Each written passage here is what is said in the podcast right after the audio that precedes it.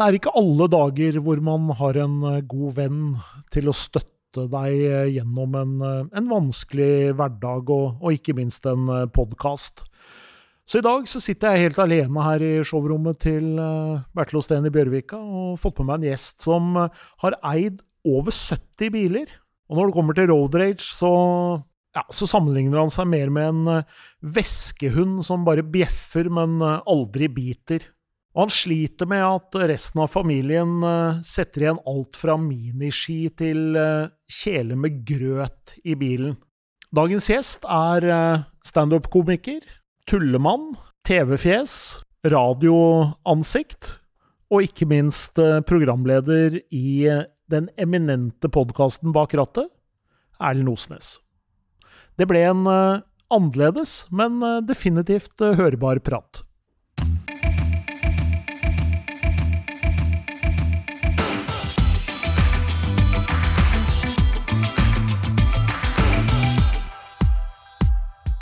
Hjertelig velkommen til uh, Bak rattet. Vi befinner oss i showrommet til Bertil Osten i Bjørvika, og i dag så er jeg alene som programleder.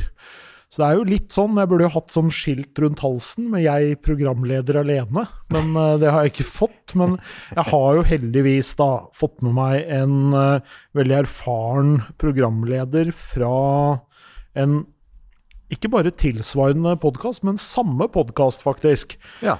Eh, Erlend Osnes. Hvordan står det til? Du, det står, eh, det står, bra til. Det er veldig uvant å være eh, gjest i, i, i noe som jo er blitt vårt hjertebarn, Stein. Men uh, sånn har det blitt. Vi må nesten si at dette er, er, er, er Lytterne har masa og spurt, føler jeg. Jeg, hører, jeg må allerede rettferdiggjøre hvorfor jeg er her, men men nå er jeg nå gjest, da. Og det ser jeg jo frem til. Når du først har vippsa dem for å mase om at du skal uh, være gjest, så Kosta noen kroner. Så, så kosta noen kroner, men det var verdt det. Mm. Du, Hva driver du med om dagen nå, bortsett fra å lage podkast? Du, det er heldigvis tatt seg opp på flere fronter. Jeg skriver jo på ei bok for tida. Eh, der jeg jo jobber med ganske anerkjent forlag. Hadde litt flaks, litt bekjentskaper, som gjør at jeg er der og jobber. Så det skriver fiksjon. En roman. Så det er jo veldig spennende. Ikke en road story? Nei. Det er Ja, det, på sett og vis. Enkelte elementer. Men det er en veldig annen måte å, å jobbe på. Selvfølgelig, så det første jeg sendte inn til forlaget, var jo nedlasta i Tissemannvitser. Altså, sånn, Erlend, det, det må ikke være hele tida. Prøv også å skrive det som om du bare skal fortelle det. Så det, det er en fin øvelse, og det er artig. Og så har jo markedet tatt seg opp med eventjobbing, og eh, jeg skal filme eh, siste showet mitt nå. Det tredje, 'Kjærleik', skal filmes på John D eh, i oktober. 13. Det er for øvrig nesten utsolgt, da, heldigvis. To show. Så eh, det er gøy. Nye prosjekter begynner, enkelte tar slutt. Og så er det jo selvfølgelig bak rattet da, og hjemmelaga. Så eh, det er godt. Jeg, jeg føler at pandemien begynner å slippe litt taket. Ting begynner å bli litt normalt.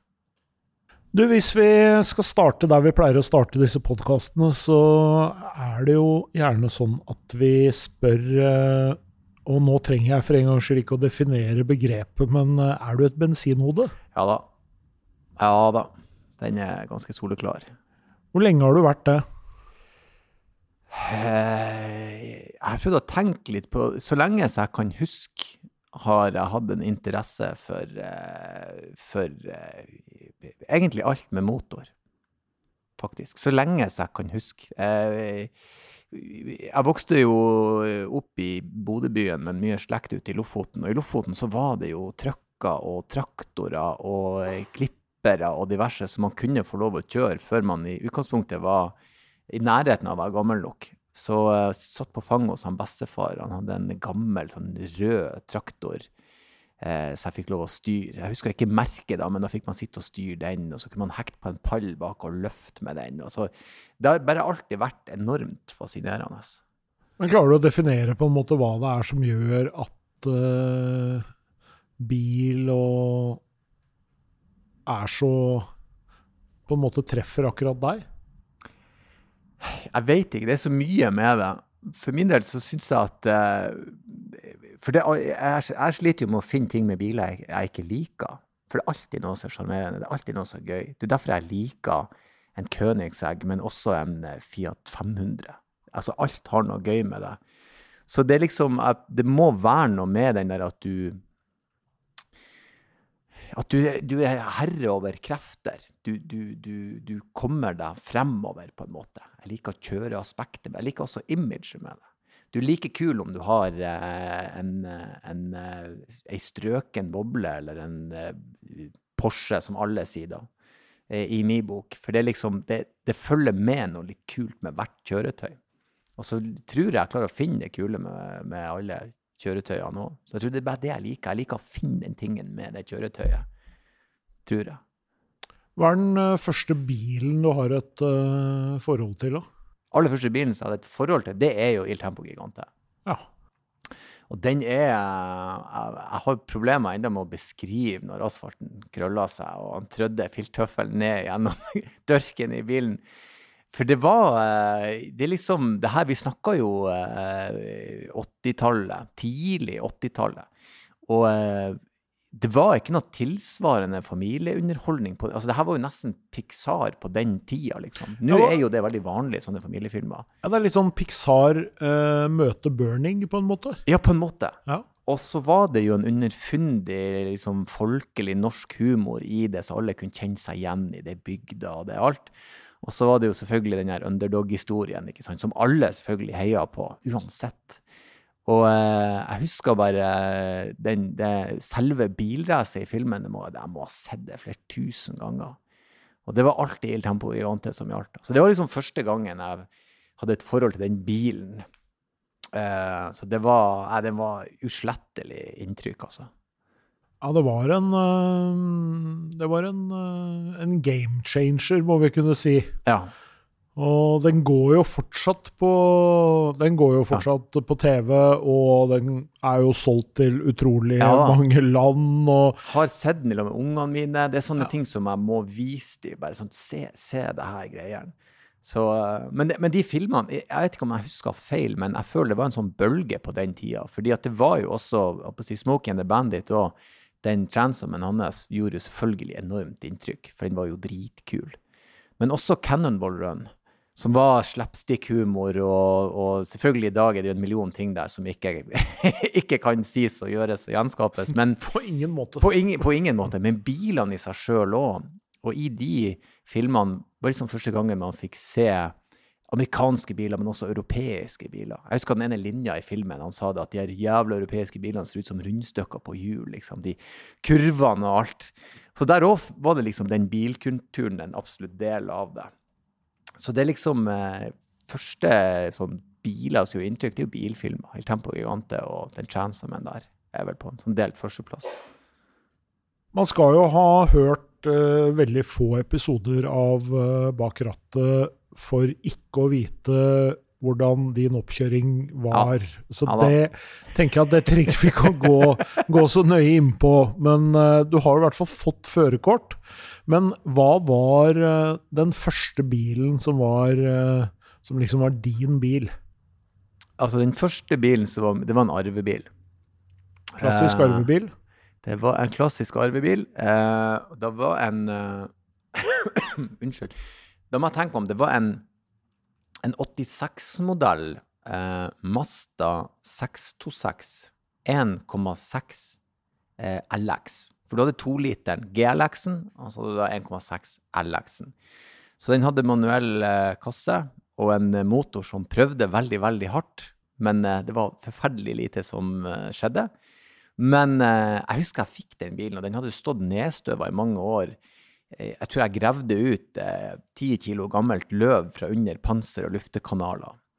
Og jeg husker at eh, eh faren, eller stefaren min var sånn skal du, For jeg polerte han. Han bare 'Skal du polere den gamle?' Og jeg polerte han og fikk han så shiny rød plastfornyer på plasten. Jeg kjøpte jo, I den tida var det rasende. Jeg kjøpte 16-tomsfelger i aluminium. Sjukt. Helt sjukt. sjukt. Jeg tror nå det var 205-55 eh, dimensjon. Da. Det var, ja. var ikke lavprofil, men det, det, var finere enn stål. Og eh, muskelservo. Eh, og husk at 70-profil er også lavprofil, sånn eh, ja. i utgangspunktet. Strengt tatt så er det det. er det. Og jeg husker hvor jævlig tungt det var å kjøre den bilen der inn i byen. For når du har 30 km, du har jo faen meg sendebetennelse. Og det fikk jeg etter ei uke. Jeg husker at sendebetennelse i høyrehånda. Brexidol sånn, det, det, fastlegen. For du er så tungt du ratter og ratter. Men eh, det var dritkult. Og den, den følelsen av at jeg kan bare stikke, eh, den setter jeg enda pris på. Jeg vet at i den tida da, så Det var enda mens jeg snusa, men da husker jeg full tank med bensin og en full boks snus. Eh, da var jeg klar for veien. Det var verden min østers. Så en LX, altså. hva, brukte du, hva, brukte du, den bilen til? Åh, oh, jeg, jeg, var eh, Vi var mye på turer med den bilen der. Eh, faktisk eh, det, det, var Før jeg var alle de årene i Forsvaret, så var jeg veldig glad i å ligge i telt. Jeg gikk jo helt lei i, i Forsvaret. Men eh, da var det pakk telt i bil, fær på tur, fær med venner. Camp en eller annen plass, fiske litt, brenne bål, og så kjøre tur. Også kjøre til Sverige, ligge i telt på campingplass. Det er jo sånn voksenferie light. Billig å kjøre. Eh, og eh, kommer deg langt, vet du. Langt. Kjørte eh, Av en eller annen grunn får vi nordover. Forstå det, den som kan. Kjør, fra Bodø kjører du over til eh, Skellefteå. Drar du til Pite, så kan du dra opp til Lyksele, så kjører du oppover mot Finland, du kan dra over til Aulo. Og da er du jævlig langt nord, men av en eller annen grunn bedre sommer enn i Bodø. Ja. Så, og kjørte uhorvelig mange mil i den gamle Mazdaen. Og det var jævlig kult med Mazdaen, for den Først og fremst så er jeg på ingen måte en teknisk anlagt mann. Men hvis du har bygd Lego i barndommen, så kan du skru på den Mazdaen der. Det er så jævlig basic. Det er, det er så lett. Og så selger de bøker. For jeg var hos bokhandleren. Kjøper du bok, eh, Masta 66, det er Masta som selger de bøkene. Blar du opp steg, Her var jo før YouTube, sant? Den bilen der bytta jeg både eh, klosser og kalippere og clutch på. Og det, det er kjempelett. Du må ikke engang ha bukk fantastisk. Og siden jeg hadde den Fischl-utgaven, eh, den 1,6-literen, så motorrommet Det var så mye plass inni der. Ja, for det var jo en, sitte ved siden ja, av motoren nesten. Sitte inni en 1,6 og det skal være en 2-liter. Det var så mye å gå på der. Det var ingenting. Ikke, noe, ikke en dritt. Suge 1,6 bensiner. Så der kunne du skru og bytte og styre. Så jeg trodde jo, jeg levde jo i den villfarelse i mange år at jeg var en handyman. Og Det viste seg at det var jeg ikke. Ikke når du kommer inn på litt ordentlig mekanikk. Nei, for vi pleier å spørre gjestene våre, som du vet, uh, hvor går grensen for hva du kan fikse selv? Det blir en sånn todelt greie. På de nyere bilene jeg hadde ingenting. Åpenbart ingenting. Men uh, den Mazdaen jeg hadde, også en Saab jeg hadde, uh, jeg hadde en Saab 95 eh, noen og 80 Det var en jævlig fin bil. Du vet når den frontruta der glasset er kurva på sidene, ja, ja. eh, den hadde enormt mye utstyr for å være en så gammel bil. Det var servo, elvinduer, komfortable seter, og gikk godt. Eh, den òg kunne du fikse ting på. Det var ikke noe problem. Men eh, på de nyere bilene så er det jo ingenting, da. Men, og å eh, bytte spylevæske, egentlig? Ja, bytte spylevæske ofte. Eh, nei, jeg, jeg, på den nye bilen min så, så tror ikke jeg gjør det engang. Jeg kjører den inn, og så ordner folk det. Jeg blir lat, sant. De legger folk til sånt. Det går ja, såpass bra nå at du har ja, folk til å bytte spylevæske for deg. Folk til sånt, vet du. De ja. fyller på spylevæska, de ordner, de styrer. Og så eh, vasker de bilen, og så henter jeg den, og så har de gjort det som skal gjøres.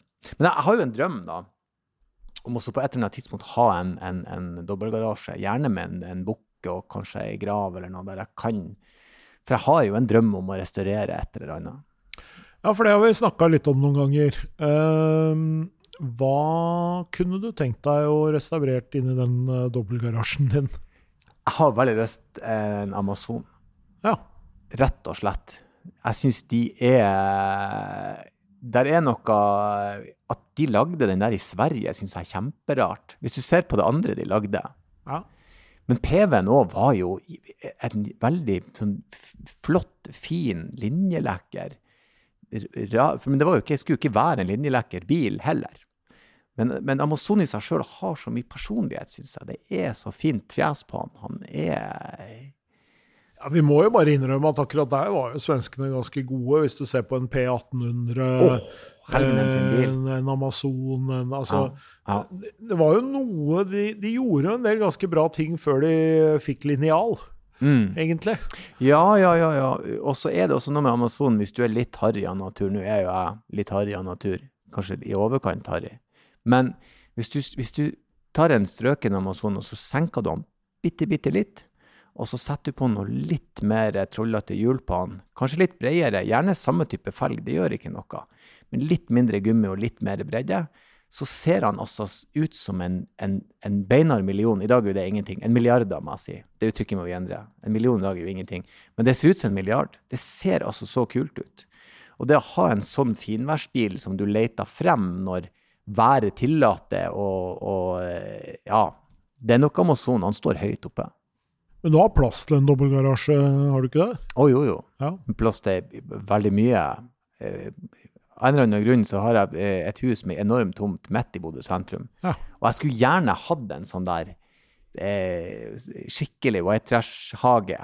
Eh, jeg har hatt det tidvis, men kjerringa har stoppa meg. Jeg har hatt mye Ja. rare biler stående. Ja, du får- kan låne noen biler av meg som kan stå der, hvis Du du, hadde- føler at det hadde vært noe. Jeg hadde elska det. Eh, bare det å ha dem Jeg tror drømmescenarioet er at jeg har biler så jeg bare må gå og følge med at de er i orden. Her må vi fylle litt luft, denne må vaskes, og her må vi fylle litt olje. og ja, Den kan jeg kjøre litt med lenge siden jeg har kjørt den. Det vil jo være en ultimate, på en måte. Parken å ha. Jeg skjønner, men det er andre som setter grenser, da, er det det du prøver å si? Ja, ikke egentlig. Uh, Kjerringa mi er ekstremt eh, Jeg har jo en, en drøm om en veteran. Og det er ikke bare Amazon, da. Jeg, jeg har forferdelig lyst på en Triumph TR4. Det er noe med den bilen der som er så enormt fascinerende. Eh, det er jo håndvalser, karosserideler. Det, det, er jo, det, det er jo lagd av en eller annen fyr borte i England der. Eh, Den motoren er jo bare ei rett ut blokk. Det er så enkelt som det kan bli. Til den kan jeg skru på. så det er noe så veldig appellerende. Og den ser samtidig så frekk ut. Når du, eh, bildene eh, yter den ikke rettferdighet på noen måte. Så en sånn kunne jeg tenkt meg til å ha. For det er klart, en åpen sånn engelsk roadster Ja. er jo helt perfekt i Bodø, egentlig, hvor du har så mange Ja fine dager Det- å kjøre. I hvert fall tre og en halv dag du kan ta han frem. Men så er det det at han går ikke fort, og han bråker ikke. Han bråker litt, da. Og det er mest en sånn bil for at du skal bare ta en liten tur og se. Og det har jeg sinnssykt lyst til. Der er for så vidt fruen med meg på det, altså. Sånne ting er med meg på. Det hun ikke er med meg på, er når jeg kjøper sånne biler som jeg syns er gøy, som egentlig er gammel drit, altså hun sier. Og så må hun bruke de. Der, er det, der har vi hatt en del bra Sånn som jeg kjøpte en, for jeg klarte ikke å la være det. jeg hadde vært eh, på Fauske og gjort standup. Her er noen år siden. Så kjører jeg forbi eh, Esso eh, på Tvelland utenfor Bodø. Så står det en liten rød eh, Toyota Corolla stasjonsvogn der. Gammeldagse typen med bakhjulstrekk, sant. Og motoren er fremme, så ræva veier jo 5,5 gram. Så den der kan du legge brei på tørrasfalt om du vil. Det er ingen, det er jo en kjempeartig bil. Og så står det til salgs på en god gammeldags pappbit. Og så ble jeg først veldig sånn oppmerksom sånn, jøss, selger folk biler enda sånn? Så jeg svinga inn, og så ser jeg den, og så blir jeg gående og kikke på den, og så tenker jeg den her, jeg, jeg klarer jo Jeg kan jo ikke ikke kjøpe den. Jeg er jo nødt til å kjøpe den. Så jeg ringer nummeret, og jeg tror han fyren skulle ha 11 000 eller noe sånt. Altså det er nesten ikke penger i det hele tatt. Jeg fant ut senere hvorfor. Ja. Han bare skulle ha 11 000. Ja. For han så fin ut i lakken, eh, og han var faktisk strøken inni. Eh, treseter bake eh, Du vet når det ikke er merka av hvor folk skal sitte bare flat. Ja, den typen. Flatt, ja. Ingen sikkerhetsbelter, nada. Eh, ikke engang sånn her eh, håndtak. Bare sånn, når det hang en sånn løkke ned du kunne holde i. Helt perfekt. Og, eh, så jeg kjøpte jo den tvert. Ja, for du hadde selvfølgelig fått honorar i umerkede hundrelapper. Ja da, det var den tida man fikk litt cash for jobba. Så jeg sa den her tar jeg. Og kommer hjem og får han registrert, og kona mi er sånn, hva i Guds navn? Så jeg, det er jo en glimrende bil nummer to. For jeg gikk og gleda meg til vinteren kom, sant? for da skulle jeg det jo slenge med denne bilen og kose meg. Det er jo en fantastisk festlig bil. Den er jo helt jævla nydelig. Bakhjulstrekk. Så ræva kommer ut med en gang. Trenger ikke ha fart engang. Det- Jeg elsker denne bilen. Men så var han jo Det er jo en sånn bil som eh, Han blir som ei gammel dame. Du må kjenne bilen for at den skal ha, være noe keen på å prate med deg i det hele tatt. Du kan ikke bare sette deg inn og kreve at Hæ, nå skal vi ut og kjøre. Nei, nei, du må be pent. Og så var det jo god gammeldags sjåk. Og hvis du ikke gjorde det her riktig, så oversvømte han jo, han ble blaut, og så fikk du ikke start. Da sto du og fila, og bare glem. Og hvis du kjørte for lenge med sjåken, så begynner han jo plutselig å hoppe av seg sjøl, sånn, uh, uh, sånn kengurugreier. Og eh, så var det en morgen, jeg tok den deilige driveren vår, så sa jeg til Tanne bare du ta. Hun bare ja, men hvordan er det? Jeg sa det er ingen problem, skal bare kjøre. Og den begynner å hoppe, ikke sant. Nedover, og hun skjønte ikke en dritt. Det osa bensin, og så gikk han blaut. Og så ville han jo ikke starte. Så sto hun midt i veien i sentrum der med den gamle bilen. Og folk tøyta, tuta og fløyta, og hun, ikke, hun ringte. Dæven, da var hun det er siste gangen jeg skal ha den jævla bilen! Og lynings. oh, jævlig bra. Men, men, for en artig liten bil det var. Eh, han døde den dagen jeg skulle bytte eh, over til eh, sommerdekk. Og så satte jeg jekken inn under, og så gikk jeg. Og så eh, rørte ikke bilen seg i det hele tatt. Og så så jeg under at alt var bare gått i lag med jekken så skjønte jeg at her er det bare eh, tyggis og gammelt håp ja. holder denne bilen sammen. Så da taua vi han eh, pent og rolig bort på Langstranda i Bodø, der de har mottak av vrak. Så sa jeg denne har dessverre gjort. Hvis vi skulle ha fiksa den, hadde jo kosta eh, Ja, det er jo ingen som vil sveise sånn type rust lenger engang. Du måtte ha fått tak i en sveiser, og så har han sagt jeg vil ha en million, for han har ikke lyst. Og så måtte ha gitt han en million. Og det var ikke han verdt. Men det var en veldig, veldig gøy liten bil. Men kona di var ikke så Nei. lei seg som du var når den ble skrota? Nei, hun var veldig, veldig, veldig fornøyd eh, når den eh, dro sin kos. Men det var en kjempeartig bil, og det er det som er, for du finner det, det, det koselige med sånne, sånne, biler. Så var det sånn nostalgisk med den bilen der òg. Jeg husker besteforeldrene mine hadde en sånn liten bil da jeg var kid. En sølvgrå en som han far en eller annen grunn rulla rød, med rulle og bengalakk eh, sjekket i et forsøk på å gjøre noe rustarbeid. Så han var rød utapå og grå inni, selvfølgelig. Og så hadde de sånn saueskinnsgreier de hadde trukket over setene for å spare de da, og så røyka de jo i bilen. Gjerne sett, kjøre en ekstra runde for å få røyka litt mer inn i bilen. Så den der lukta av, av gammel røyk og tørrfisk, det var jo Lofoten der. Inni den bilen der var jo helt jævlig.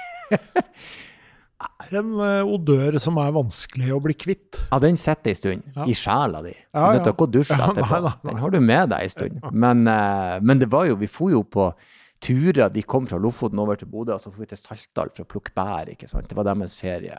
Det var 80-tallet, så de for ikke så langt på ferie. Det var ikke noen chartertur. Dra til Saltdal og plukker tyttebær, og så dra hjem. Høres ut som jeg er 900 år ja, gammel. Ja, det gjør det. Eh, jeg tenkte på det. Men, men, det der med å røyke i bilen mm. Det er jo en veldig rar ting å gjøre i dag. Oh, det ja, hender ja, ja. jo en gang iblant at jeg ser noen når jeg står i kø på mm. et eller annet sted, som har ruta litt på gløtt, mm. og så ser du bare den der gloa som kommer ut for de skal dunke aske. Mm. Men det var jo ganske vanlig. Ja, I dag er det blitt en sånn shit, røyka, hva faen som skjer? Mens det var jo helt vanlig. Hvis du, jeg husker vi ble henta på sånn fotballtrening, og foreldrene bytta på å kjøre oss alltid var det jo ei, eller anna litt sånn mor som var litt misfornøyd og hadde det travelt, som satt og røyka frem i bilen der. Vær stille, ikke sant, og, få, og sug på den der jævla røyken. Alle gjorde det jo. Det altså, vi, Fattern røykte Camel uten filter. Ja da. Skal du først røyke, si? Ja. Og så, og så hadde mutter'n migrene, så vi kunne ikke ha opp vinduet, fordi da fikk hun trekk. Så klart. Så når vi da kjørte til Lofoten fra Elverum ja. uh, i en sånn Kadett B kupé mm. uh, med Camel uten filter og, og, og vinduene igjen Det er klart at uh, altså Kols er jo ikke noe du Det er jo på en måte mer standarden enn noe ja. annet. Det, det, er jo en konsekvens av livet, kols. Det bare ble sånn. Vi, også hadde sånn, vi, vi hadde en Volvo 242 firedørs, hvit en, husker jeg. Og da bodde vi i Bergen. Og så kjørte jeg fra Bergen til Nord-Norge. Og så begge to fremme og røyka, da. Og så ikke noe vindu opp. Det gikk ikke. Det var ikke snakk om. Og så selvfølgelig da eh, å sitte og krangle og slåss i baksetet med broren min mens de røyka. Det, det er jo ikke så rart at man ikke ble veldig glad i bilferie. Nei, for da, da kan man jo bli litt sånn Man blir jo litt uggen, men var, det, men eh, var dere en bilferiefamilie? Ja da, det var vi. Eh, Litt fordi at vi bodde i Bergen når jeg var eh, ordentlig kid, da. Så da var det liksom eh, Legoland. Eh, og Gøteborg og Stockholm og Grønna Lund og Liseberg og det her. Det måtte man ha med seg. Og eh, Danmark var nært, og da går det òg an eh, Og den gang da faren min bodde en periode i, i Danmark, i Esbjerg, og da kunne man fære dit og kjøre over til Tyskland. For det er kortere vei. Klart, Når du bor i Nord-Norge, det er en grunn til at nordlendingene bare bilferier vi rister litt på hodet. For det, du må jo legge på noe inn i helsika med mil før du en gang er kommet deg ut av landet. Så det er sånn eh, Skal dere til Tyskland? Nei, for vi må kjøre dobbelt så langt. Så, men når du bor eh, sørpå, da, så Bergen var egentlig fint. Da var vi på mye bilferier. Var i Tyskland, Danmark, eh, Finland, Vasa. Vasalandia husker jeg, sånn svær. Tømmeren og park og alt mulig. Så da var det en god del bilferier. Så da var det bare å vite at eh, Og jeg var ikke Jeg husker jeg tenkte at eh, jeg føler ikke ferien begynner når vi setter oss inn i bilen. Det er når vi kommer frem, ja. Ja, det er da det er ferie. Røyking og krangling og Men, men, men Reidars sommerkassett var jo Perfekt. Reidar reiser snart. Reidar reiser snart, ja. Ja. Og bare grøten tar han med seg. Det er helt riktig. Nei, det er, det er jo en eh, Det er jo en tids, tidskoloritt, det er jo ikke noe tvil om det. Mm. Det er jo noe annet når man drar nå på bilferie med Ja, for du er glad i å reise på bilferie nå? Ja, jeg er faktisk det. Kjør til Sverige, kjør um, Jeg hadde en helt jævlig Det her er helt eh, vi, Jeg kjøpte for noen år siden en Skoda Superb stasjonsvogn. For øvrig en veldig god bil. Jeg var veldig fornøyd med den. Gøy at de har en sånn paraply Eget eh, rom, ja. ja, i døra. Mm. Spesielt i Nord-Norge, der ingen bruker paraply. For i det øyeblikket du går ut fra veggen, så blir den paraplyen røska ut av nevene dine og brannsår inni håndflatene, og den ser du aldri igjen. Det er forbundet med livsfare å bruke paraply i Nord-Norge. Sånn ned, Ja. nederst i gata Ja. i Bodø, der ligger alle paraplyene. Ligger de samla. Ja. Men en. Men jeg hadde den Skodaen. Eh, kjørte til Sverige og hadde med Vi var ja, tre unger i baksetet, og jeg og fru. Takboks full, alt fullt. Eh, kjører over til Sverige og er noen uker der. Eh, på tur hjem. Svenskene har en sånn artig ting de gjør. Eh, når vi når vi pusser opp vei og bygger vei i Norge, så bruker vi å ta ett løp i slengen, sånn at du har en delvis normal vei å kjøre på. Mens i Sverige gjør de ikke det. De er sånn, nå skreller vi begge veibanene ni mil. Så får det heller være en traktorvei her. Og I tillegg så eh, har de ikke fått med seg at du må skilte at her er det veiarbeid.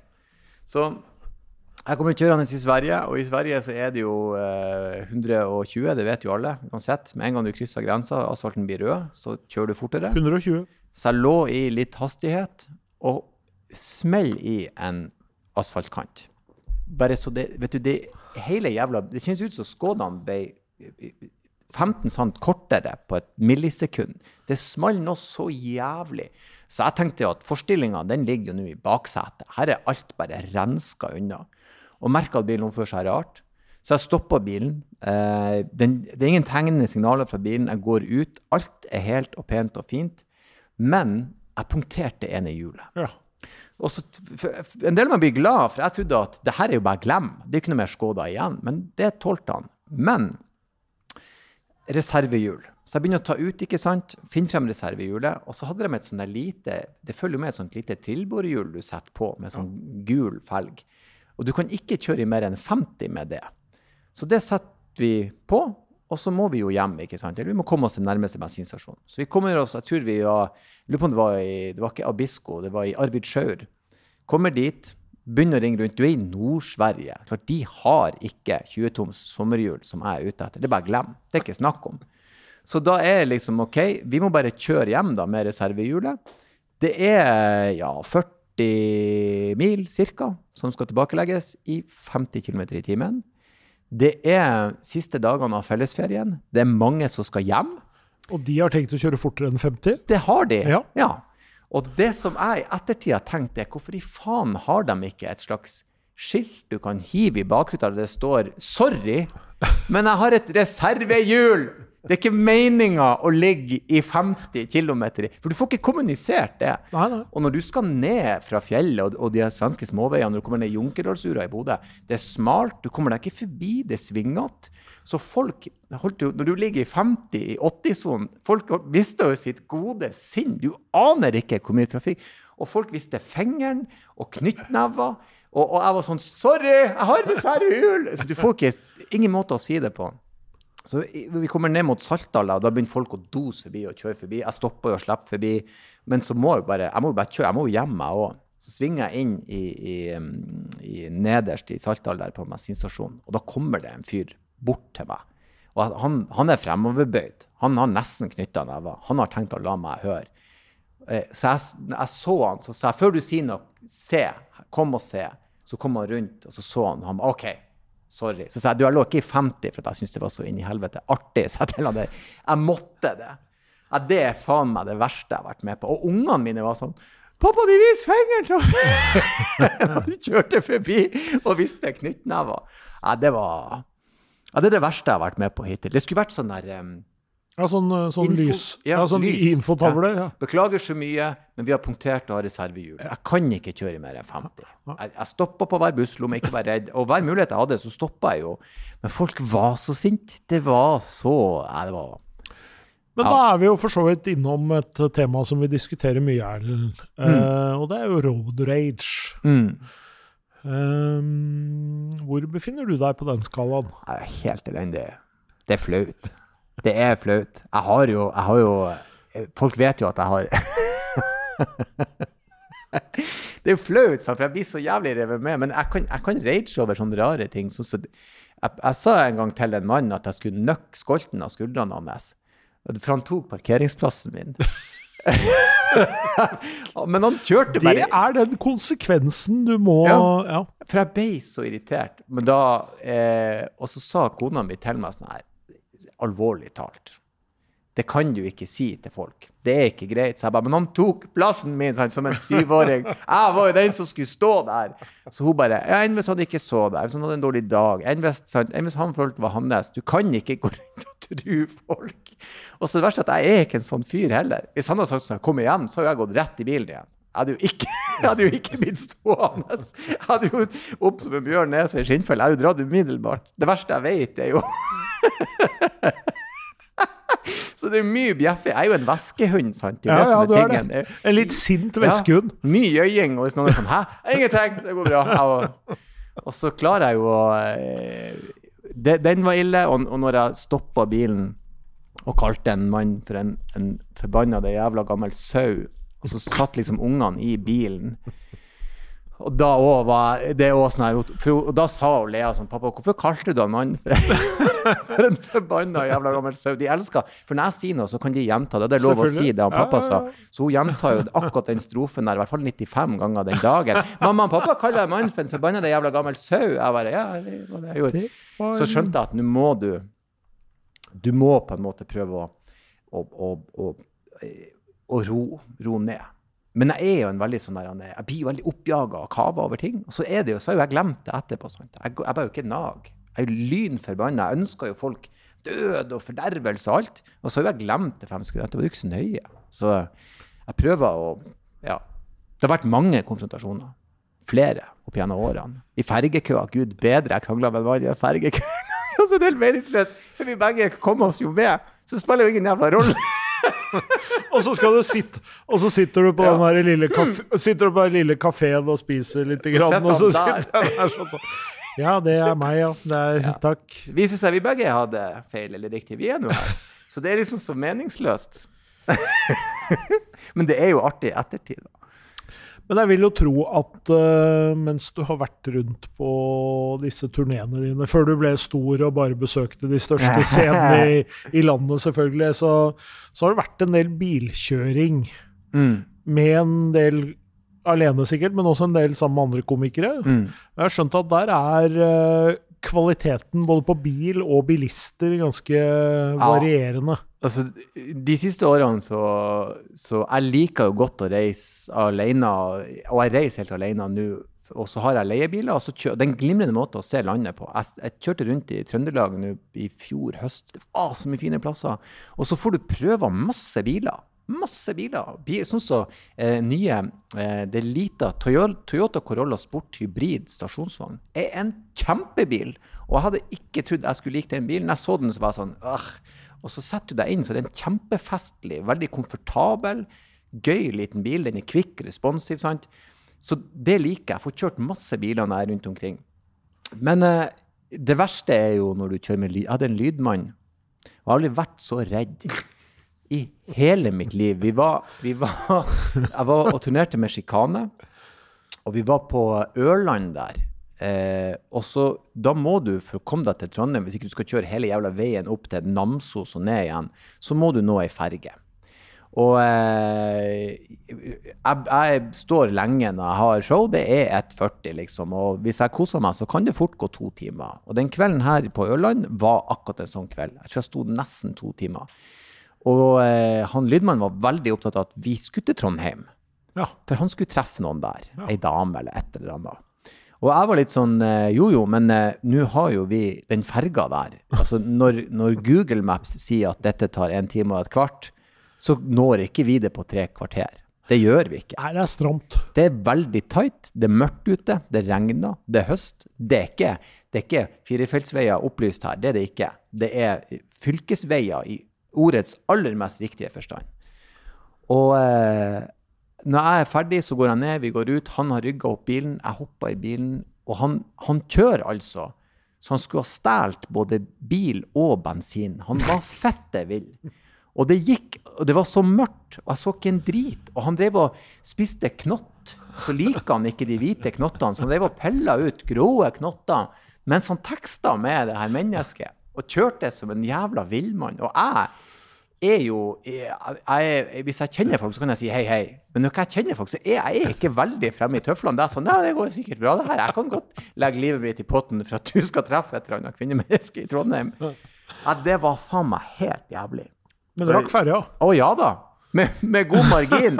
Hadde seg en røyk, han si, før ferga kom. Det var helt vill. Det var mer lavtflyvning i Trøndelag enn det var biltur.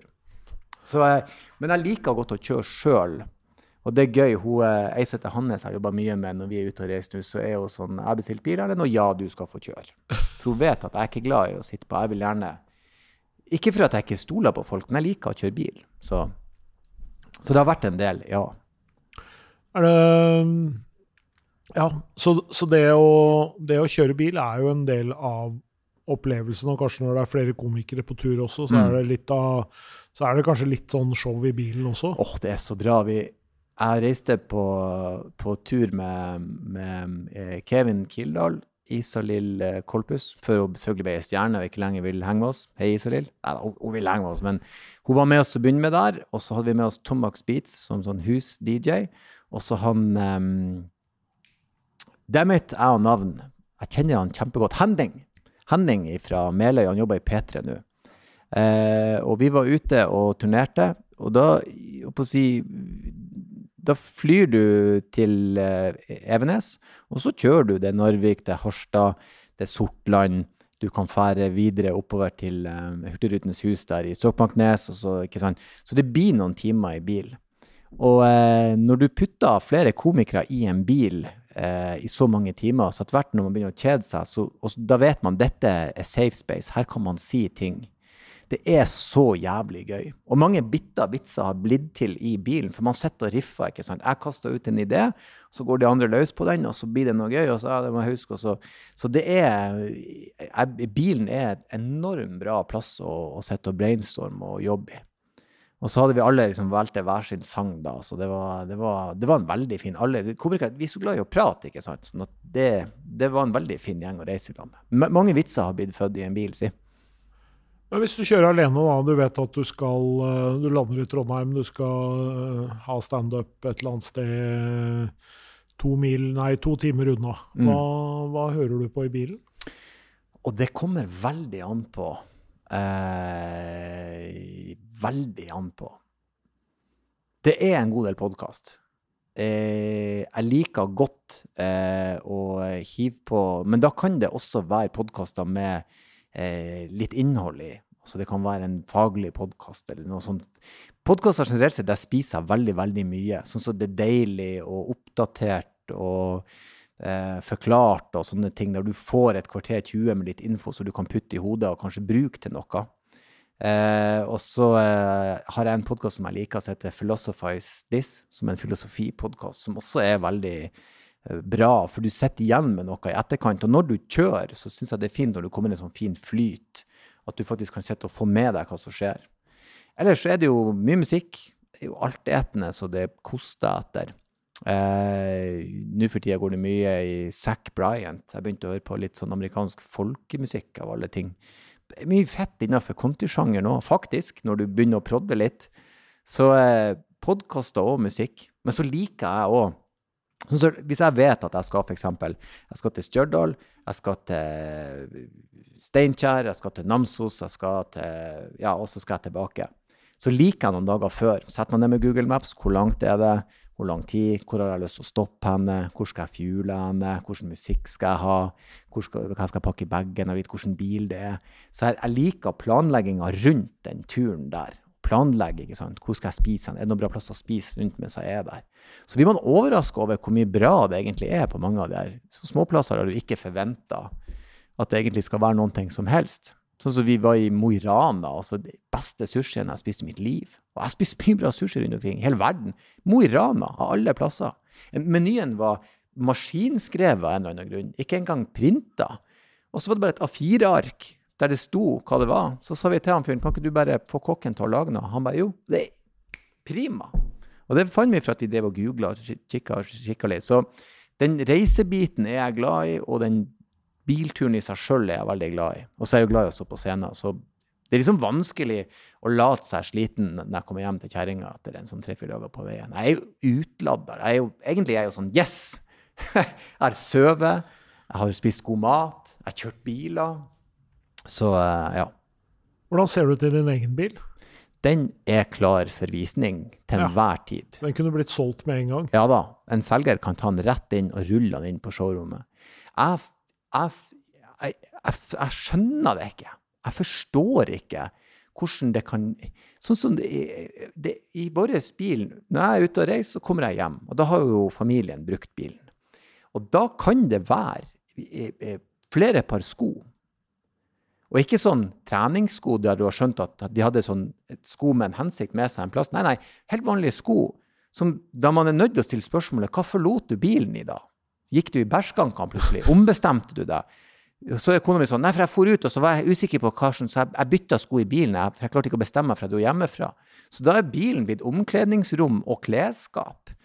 Um, det kan stå en kasserolle med noe uttørka grøt i.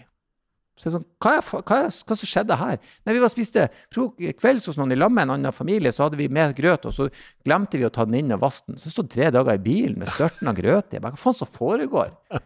Det er jo en kjempedyr bil med skinnseter, og så har du trødd ei panne med grøt. Hva i faen som skjer?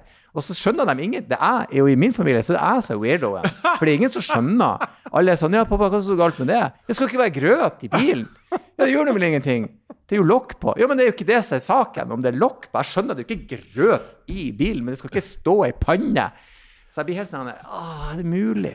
Flere sett klær, eh, eh, våtdrakter, eh, plutselig miniski midt på sommeren. Så hva dere holder på med der borte? Hva er det som skjer? Jeg får helt angst.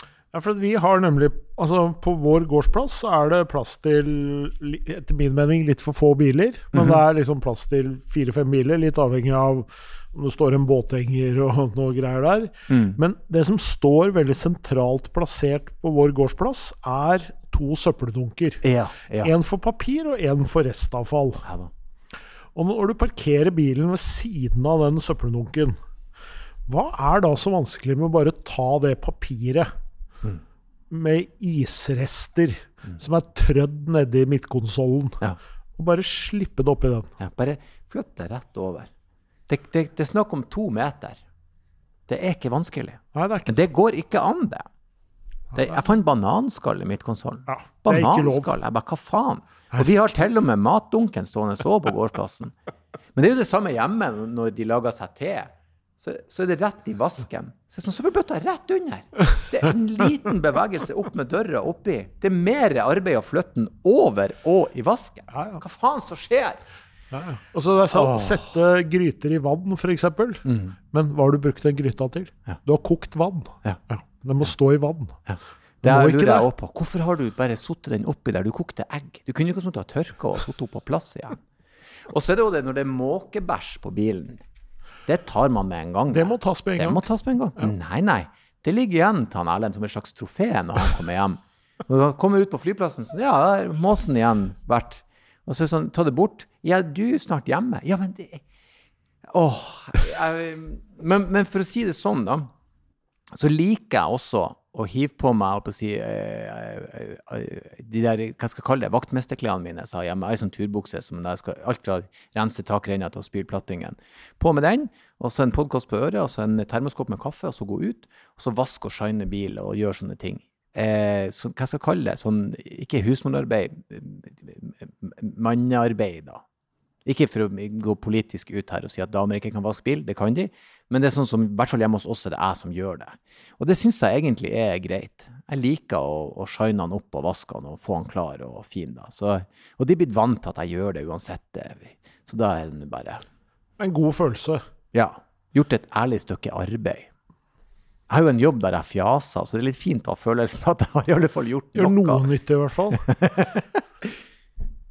altså dette er et vanskelig spørsmål, men noen må stille det likevel, tenker jeg, på et eller annet tidspunkt. Um, vi har jo, jeg vet ikke om du er kjent med det, i denne podkasten så har vi en, eh, en, skala som går fra, fra 1 til 10. ja. uh, hvor det er en slags fortetting av komikere mm. uh, nær 10. Mm. Og hvor vi spør hvor god er du til å kjøre bil, og hvorfor? Nå vet jo jeg at komikere har tendens til å legge seg veldig høyt. Nå skal jeg legge meg på en åtter. Som eh, er høyere enn de profesjonelle sjåførene vi har hatt. Ja. Men grunnen til at jeg gjør det, det er fordi at eh, jeg, jeg, er ambulanse, eller var ambulansearbeider, eh, og kjørte ambulanse i syv år. Og tok utrykningslappen. Og eh, når jeg tok utrykningslappen, og også de årene mens jeg kjørte eh, utrykning, så lærte jeg utrolig mye om hva er det egentlig som er tidsbesparende når du kjører. For det er ikke den her galmannskjøringa med høy risiko, med røkk og stopp og napp. Det er høy, jevn fart som gjelder. Og, eh, og så lærte jeg også hvor mye tid du egentlig sparer. Og hvis du ligger 25-30 km over fartsgrensa. Du sparer så å si nada. Det, det, er om, det, er ikke snakk om minutter engang. Det er så lite. Så det var en ordentlig sånn realitetsorientering for meg på det med å kjøre fort. Og så er det jo også det at jeg, eh, jeg gjør enda det som man gjør når man kjører ambulanse, at jeg, jeg sitter og forteller meg sjøl hva som skjer, for å være oppmerksom på hva som skjer. Der er en sving, den er mørk, jeg vet ikke hva som er bak. Der er en utgjørsel Du sitter og rapporterer til deg sjøl for å prosessere, i stedet for bare å sitte og se. da. Så det er en måte å være veldig oppmerksom på. Så sånn gjør jeg enda når jeg kjører bil. Jeg plasserer meg for å ha sikt og sånn. Så det gjør at jeg setter meg på en åtter. Jeg har imidlertid trukket meg to poeng, for jeg er ekstremt uoppmerksom. Ja. Det er jo en uh... Ekstremt uoppmerksom. Jeg er veldig dagdrømmende. Og ja. enkelte ganger når jeg rygga bilen inn i oppkjørselen, så bruker jeg å tenke sånn Hvem i faen kjørte hjem nå? For det var ikke du, Erlend. Nå har du vært inni hodet ditt. Jeg husker ikke at jeg kjørte hjem engang. For at jeg sitter og tenker på alt mulig. Og vitser og ideer. Og så, sånn, og så bare sånn Dæven, nå har jeg kjørt i et kvarter her. Jeg, jeg, jeg husker ingenting. Jeg husker, na, det, det, er ganske skremmende. Ja. Men du er nok oppmerksom allikevel når du kjører, så hvis det hadde kommet en elg ut, så hadde du sikkert lagt merke til den. Jeg liker å tro at jeg hadde kvekna til, men jeg er litt uoppmerksom, så jeg trekker meg litt. Det gjør jeg. Og så er jeg jo eh, Det er jo en selvmotsigelse å si at jeg vet at du ikke sparer tid, for jeg er glad i fart. Det må jeg bare innrømme. Jeg liker akselerasjon. Jeg liker, jeg liker å vite at nå er jeg effektiv i kjøringa. Det må jeg bare innrømme. Eh, og det er jo samme når jeg kjører motorsykkelen. Jeg liker den følelsen av du får av, av de kreftene som du Så du har kontroll på dem, men du, du har ikke, jeg, har ikke, jeg, har ikke, full kontroll på alle de her, så jeg må være litt forsiktig. Sykkelen bestemmer litt over meg, på en måte. Og det er en veldig appellerende følelse. Hvor eh, setter du deg på skalaen som motorsyklist, da? Der er jeg firer. Treer, firer. Og der er jeg høyst oppmerksom. Jeg er livredd eh, for at det skal skje noe. Jeg må si at jeg elsker å kjøre motorsykkel fordi at du får så mye glede og utbytte av lav kilometer. Altså, du trenger en morsom vei, og that's it. Tenk å kjøre fort en gang. Men jeg, folk er så uoppmerksomme på det. Og det har vært, vært, hver eneste sesong er det jo en to-tre incidents, faktisk. Eh, og det er ikke lenge siden nå. Jeg, jeg, så Det var ei dame som kommer, kommer ut ifra jeg, jeg, kjører på en forkjørsvei. Eh, jeg ligger i 50, og jeg ser at hun ser meg ikke. Hun så meg, jeg så henne rett i øynene, men hun ser meg ikke. Så jeg vet at jeg må, jeg må ta et valg. Enten må jeg komme meg forbi henne, eller så må jeg bremse opp og bare la henne kjøre. Og hvis jeg bremser opp nå, det er jo noen bak meg. Men det endte med at jeg bremsa opp, og jaggu så meg og kjørte rett ut. Og det er ganske sånn der, For jeg vet at i 50 i sida hennes, så det er det. det overlever du det, så det, du glemmer ikke den dagen. Det er ikke et par skrubbsår. Så det er ganske sånn der eh, Det er ubehagelig og ekkelt. Um, og så vet jeg jeg har veldig mye å hente på sykkelen på, på marginer. Jeg tar meg sjøl i å glemme at jeg, at jeg har et chassis rundt meg som beskytter meg. Jeg ligger for nært. Jeg plasserer meg litt dumt. Men så blir jeg oppmerksom på det. Og så OK, henter jeg inn igjen, for liksom, konsentrasjonen blir borte. Og så er det det med rett og slett eh, sittestilling og hva er du beredt på, hva er du klar på. Så, men jeg prøver hver gang før jeg starter sykkelen og skal ut og kjøre, så prøver jeg å tenke gjennom hva var det du skulle huske på. Så minner jeg meg sjøl på det. Men der rangerer jeg meg på en, eh, på en, en, en firer, altså. Jeg har en god del å hente. Men det er litt sånn som du har sagt òg, at du kjører så lite sykkel i forhold til hvor mye du kjører bil, at du, den mengdetreninga får du rett og slett ikke. Og spesielt ikke i Nord-Norge. Eh, og det er klart, det sier folk òg, at med, med, med, folk som kjører bil sjelden nå, de blir ikke gode sjåfører. Så sånn er det bare. Vi begynner å nærme oss uh, slutten, Erlend, men uh, jeg vet jo at dette her har du jo Vi har vel hatt en 130 gjester, kanskje, mm. hvor vi har stilt det samme spørsmålet, stort sett. Mm.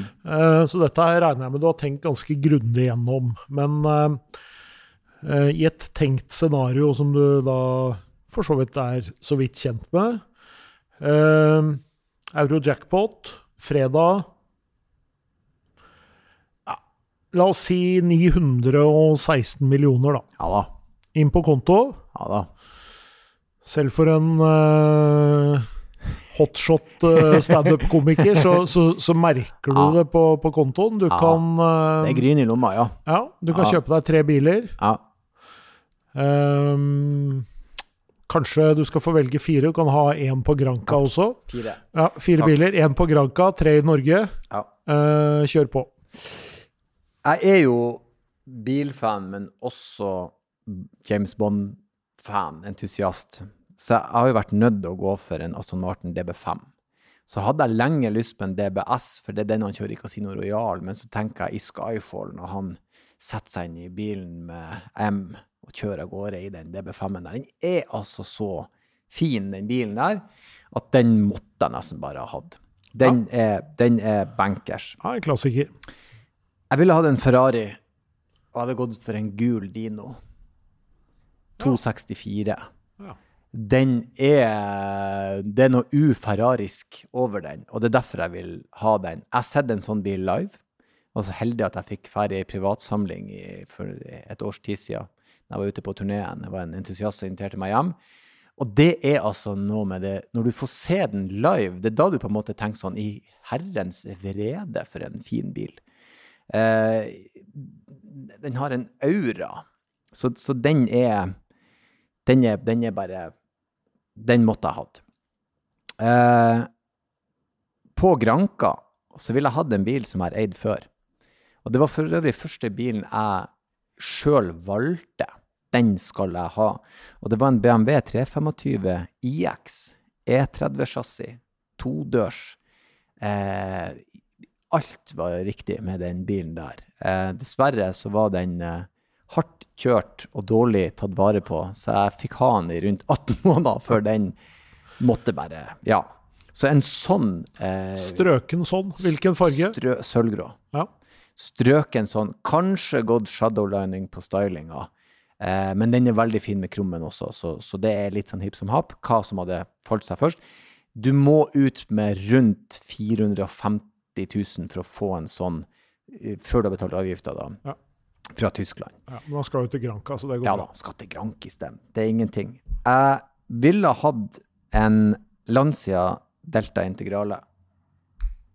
For den er altså så sjukt kul, den bilen der. Den vil jeg gjerne ha hatt på Granka. Eh, jeg, jeg vet ikke hva det er med den bilen, for det er jo i utgangspunktet Altså, den vanlige Lancia, den, den, den, altså den bilen de lagde for å lage racing Altså, den ordinærutgaven er jo dritkjedelig. Ja, ja, det er jo en, Ja, høyst eh, ordinær. en, kombi, en billig kombibil. Ja, billig. Det, altså, det er sånn det, det, Lagd i samarbeid med Saab. Ja, så plaint så du kan få det. Men den hardstyla, hva de kaller den for? HF-utgaven. Den racing Ja, mm. gud bedre hva kul den er. Med Eh, Martini-reklame. Ja, ja, Martine-reklame måtte Ja. ha vært på. Det, det, for En mann som ikke drikker, med ja, Martine-reklame. Perfekt. Ja da. Det, jeg hadde måttet ha kunnet fronta det. Altså. For den, det er noe ekstremt ikonisk med den. Den er altså så kul. Så, eh, så den er Den, den måtte jeg hatt. Så det der er mine sånne der, eh, av sånne biler. For, og det er jo eh, både DB5-en og Dinoen og den Lanciaen, det er jo sånn som man Jeg har også en Alfa Romeo 33 Stradale på, for den er altså så sjukt fin. Den, og, men disse bilene her er jo biler som du bare ikke kan Det er så vanskelig å få tak i. Altså, du, De bilene jeg ønsker meg i dag, de kan jeg få tak i, men de her bilene er vanskelig. En strøken DB5 er ikke lett. En gul Dino er ikke lett. Da må du helst ha litt kontakter og Penger, men det har du jo, da. Ja, ja. 900 og noe mil, så, så er vi der. Men det hadde vært, altså. Og den Alfa Og al, folk glemmer Folk søver litt på Alfa, men de glemmer hvor mye sukkertøy de har lagd.